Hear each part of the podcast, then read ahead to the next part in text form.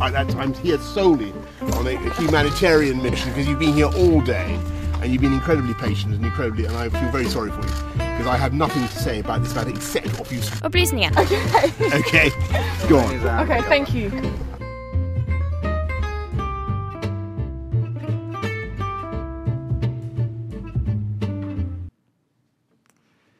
Det er riktig, du hører på Opplysningen. Eh, og hvis jeg spør deg, Aurora, eh, hvis jeg nevner navnet Fosen, får du noen spesielle assosiasjoner i hodet da?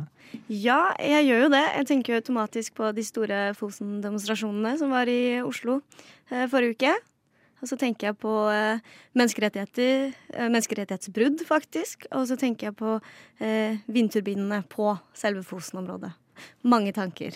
Ja, ikke sant? Dette navnet Fosen har jo omtrent blitt eh, synonymt med, denne veldig omstridte eh, vindturbinsaken.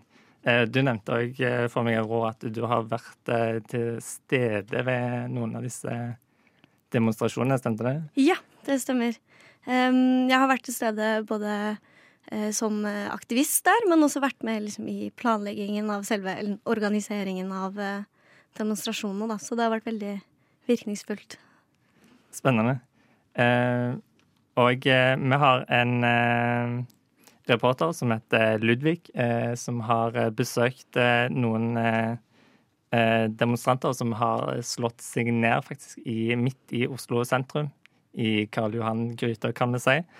Denne saken er faktisk på engelsk til en forandring, for den er produsert for Nordjud, som er et eh, samarbeid for studentradio i Norden.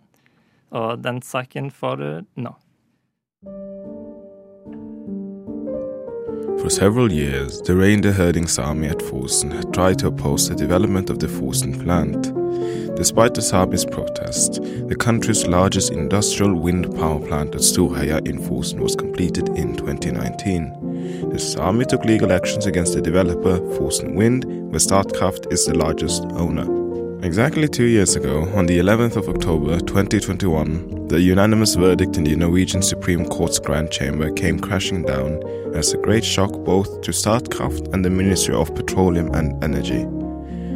The shock was great when the Sami won in the Supreme Court. The Sami believed that the establishment of the large wind power plants at Storheia and Roan would destroy important winter grazing areas for their reindeers. The Norwegian Supreme Court agreed, and it ruled in the Grand Chamber that the development of the Roan and Storheia facilities on Fosen is a violation of human rights and the Sami's right to cultural practice. The license for the country's industrial wind power plant is struck down and known to be invalid. There is now an ongoing demonstration and movement against the fact that the turbines at Fosen are still standing as if nothing had happened two years on.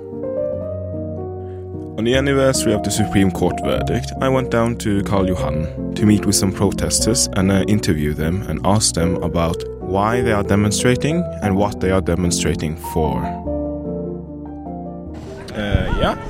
Uh, hey, I am Ludwig, and today I am uh, here in uh, right beside of the judicial faculty of University of Oslo, and today I am here with. Uh, April. Nice to meet you, April. The oil and energy minister Terje Aasland has said it was an, uh, it is unacceptable to tear down the windmills. We need to find other solutions with the reindeer herders in uh, Nordre Fosen and in the Södre Fosen Sitje. What are your remarks uh, on that? Uh, right now, the government is uh, threatening or they are breaking more human rights because they're not uh, compensating for the fact that uh, uh, when you break like, indigenous people's human rights, you are uh, give them compensation uh, and ensure that uh, they have some alternatives. Uh, but the government has not done that. They have not offered the Sami any new land, and they have ignored the ruling of the Supreme Court. On the 11th of October 2023, Sami activists and demonstrators gathered in the early hours to block off the main thoroughfare of Karl Johan, which they renamed Elsa Laula Geijino. The blockade of Karl Johan lasted until about 6 pm in the afternoon.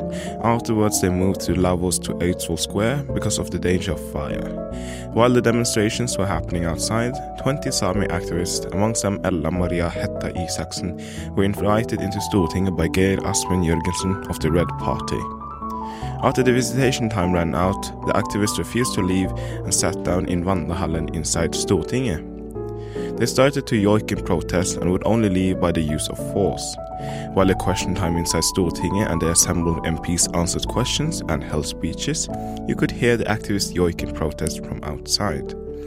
By 2045 in the evening, the last protesters were carried outside by the police. The activists were joined by Greta Thunberg and the movement Fridays for Future on the 12th of October.